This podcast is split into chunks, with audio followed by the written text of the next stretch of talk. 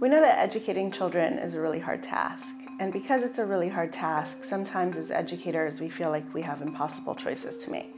We can either support most of our students to be as successful as possible, or we can put an incredible amount of support into helping the students who are furthest behind.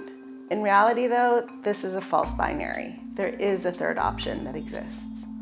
Rather than focusing on either the students who need the most or the students who are closest to success, we have the option to do both at the same time, and that's what I propose.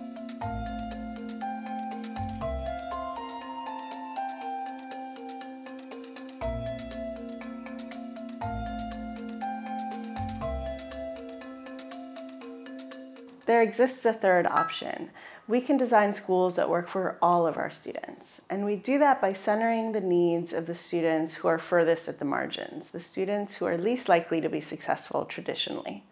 When we do that, it doesn't mean that we don't care about other students. It doesn't mean that we're no longer going to focus on other students. It just means that we're going to bring a higher level of creativity and a higher level of skill to meeting their needs. And that creativity, that skill, that's going to help us educate all students better. So I want you to consider a student at your school who isn't being as successful as you would like for them to be. I want you to imagine that you're able to create a school that works for that student. Really think about this. What would their day look like? What would their teachers do differently? How would the school culture as a whole shift to being more inclusive and respectful of their needs? How might you and teachers partner differently with their parents or other specialized providers? If your school can develop the skills to work with a student who's not successful better, it can do that for all students. We all do better when we all do better. It, the students, if students are less disruptive, other students will do better. If teachers are better able to meet the needs of students who struggle in multiple ways, they're better able to meet the needs of students who struggle in maybe just one or two ways. If a school culture is truly inclusive and can celebrate every student in the building, every student in that building will succeed. By focusing on our energy and our creativity on where the greatest barriers are, we unlock the opportunity to serve all students better. We create schools that belong to their students. And perhaps more importantly, if we can create schools that belong to all of their students, then we can transform society. Schools are a reflection of our society as a whole. They represent the full diversity that exists in the world. If we can create on a small scale a place where all students can succeed and be supported to their greatest potential, what can we do to transform society as a result? What I'm suggesting may sound impossible, but research shows that it actually does happen. That schools who are better able to serve the students who are furthest from meeting their goals are better to serve all students. If we can teach the student who's hardest to reach, we can teach every student. Traditionally, there are a couple of different ways that we think about supporting students to succeed. One approach is called the universalist approach, where we set a big universal goal that we hope all students will meet. If we don't have pathways to actually ensure that every student can meet it, it's just a goal in theory. And the reality is that the students who weren't succeeding still won't succeed. The other approach is a targeted approach, where we provide services only to some students, those students who've been identified as needing more. This means a few things. First, it means that those students likely have already experienced a great amount of failure. By the time they come to us for support, not only have they struggled long enough to benefit from it, they've also experienced the stigma and hardship that comes from not doing well in school. The other challenge with a targeted approach is that we put the ownership on developing expertise to work with students who struggle on a small number of specialists. When we do that, we create a system in which we're always going to be dependent on those specialists. Our teachers and our classrooms are not going to be set up to support every student. And so, year after year, child after child, we're going to need this separate and often unequal system to educate the students who are not being well supported in our classrooms. Researchers have also shown us that a third way is possible, something that at UC Berkeley has been called the targeted universalist approach. The targeted universalist approach combines these two ideas a big, ambitious universal goal and the targeted pathways that allow every student to get there. UC Berkeley's Othering and Belonging Institute defines the targeted universalist approach and gives us several steps that we have to follow. The first step is to set that big, ambitious, universal goal. As an example, you might have a group of third graders in your school, and you want all third graders to be able to write a comprehensive analytic essay by the end of the year. You're going to set that goal early on, and you're going to define what success looks like. You might even find an essay that's an example of the sort of essay that you want all students to have. You might create a rubric that shows you what elements such an essay would have. And then you'll assess students to see how close they are to currently meeting that goal. And you'll find that there are some students who are already very close to meeting the goal and will likely benefit from whatever supports we put in place.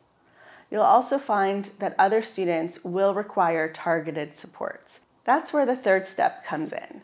You've defined your goal, you've assessed students, and now you need to figure out what supports you can put in place. Some students might need help organizing their ideas so that they can write uh, a comprehensive essay on a specific subject. Other students might need help in spelling or grammar so that they can convey their ideas successfully in writing. And other students will need all of those supports and other individualized supports as well.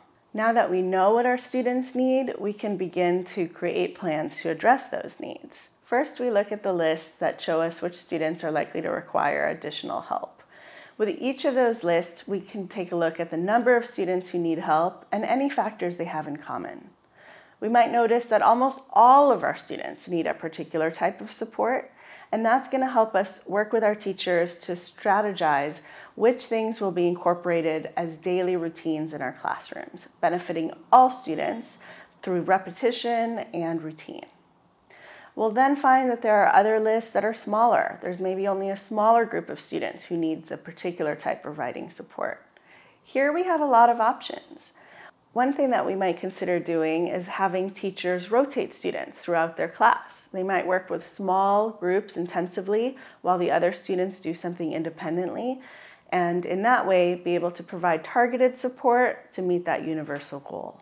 We can get really creative here. That's the objective. We want to find ways to find success for students who've never found them before. You might have a group of third grade teachers who are creative enough that you're going to actually work with all of them at the same time. You'll have one teacher supporting the students who are closest to achieving the goal, and they might have a really large number of students. While at the same time, you might have your other teachers working with smaller groups and providing that individualized support so that they can benefit as well. And what about those students who struggled the most? Because we're more aware of what their needs are and we're continually assessing, we can adapt our plans as we get to know their needs better.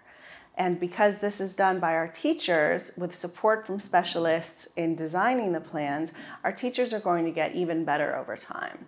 So that for every student they can support today, there's a whole line of students they'll be able to support next year and in the years that come after that. This targeted universalist approach unlocks the opportunity to creating schools that operate really differently than we're used to. Schools in which we prioritize the belonging of all students in all classroom spaces, and then we build in the supports that it takes for them to be successful. Students who were furthest away from opportunity now have the chance to take risks and see themselves as learners and scholars. They learn that they have more in common with other students than they previously thought. They're least likely to disrupt classrooms and they're more likely to continue and persist in their education because they feel like it was something that belonged to them all along. The students who were most successful to begin with learn that they are a part of a thriving, vibrant community. And they know that even when they struggle in the future, they will still have membership in the community. They grow compassionate, they grow understanding and respect, and they learn how to become part of a society that works for all of its members. There are definitely challenges that come with this approach. And the biggest one is that we're asking teachers and school leaders to think really differently about their job. We often think that we're successful if we meet the needs of most students, and so we look at the success of most students in determining our success. When you're really asking folks to consider the success of the students who are traditionally the least successful, that can bring up a lot of feelings. It's really hard to confront the, the things that are most difficult for us to do. It's really hard to function at the edge of our skills and capacity. And uh, that comes against a tradition that we've had in schools for a really long time. That means that it's important to go slow. It's important to be really humanizing of the teachers and the educators that are involved, and the fact that you're asking them to do school in a very, very different way. And that's not an easy ask to make of folks. It's easier at schools that are higher resourced oftentimes those schools are already spending a lot of money on the students who are furthest from opportunity, and now you're asking them to spend it differently, but you're not asking them to spend more necessarily. And so, for instance, if you have a school where there already are a number of special educators, there might be even one on one aides for students who are far behind, school psychologists and counselors. You know, you're asking those folks to organize the professionals differently. But the professionals are already there. It's easier to do. That doesn't mean that it's not possible to do this at schools that are less resourced, and it's actually probably even more important because in those schools there isn't a safety net. There aren't a whole team of experts and professionals that are waiting to meet the needs of students. There are just those folks who show up every day, often the teachers and the school leader. And so the needs are greater and the resources are smaller, but it's a really good reason to invest in a, a mind shift in a way of going away from this zero sum thinking of it's this group of students versus that group of students to a really more inclusive way of thinking. Because when teachers still have students in their classroom that are disruptive or um, have challenging behaviors or just are not performing academically and not able to keep up um, you know that takes uh, that that is that can be a burden on teachers. That can be a burden on entire classrooms. And again that can come at the real um, as a real threat to teachers sense of efficacy and success. And so helping those teachers in these least resource schools really think of their jobs as to be creative and imaginative and to constantly track the success of the students who are performing the least well can actually give them some opportunity to really recognize that this work is hard and that you know the, the needs of those students is something that's in their capacity to meet.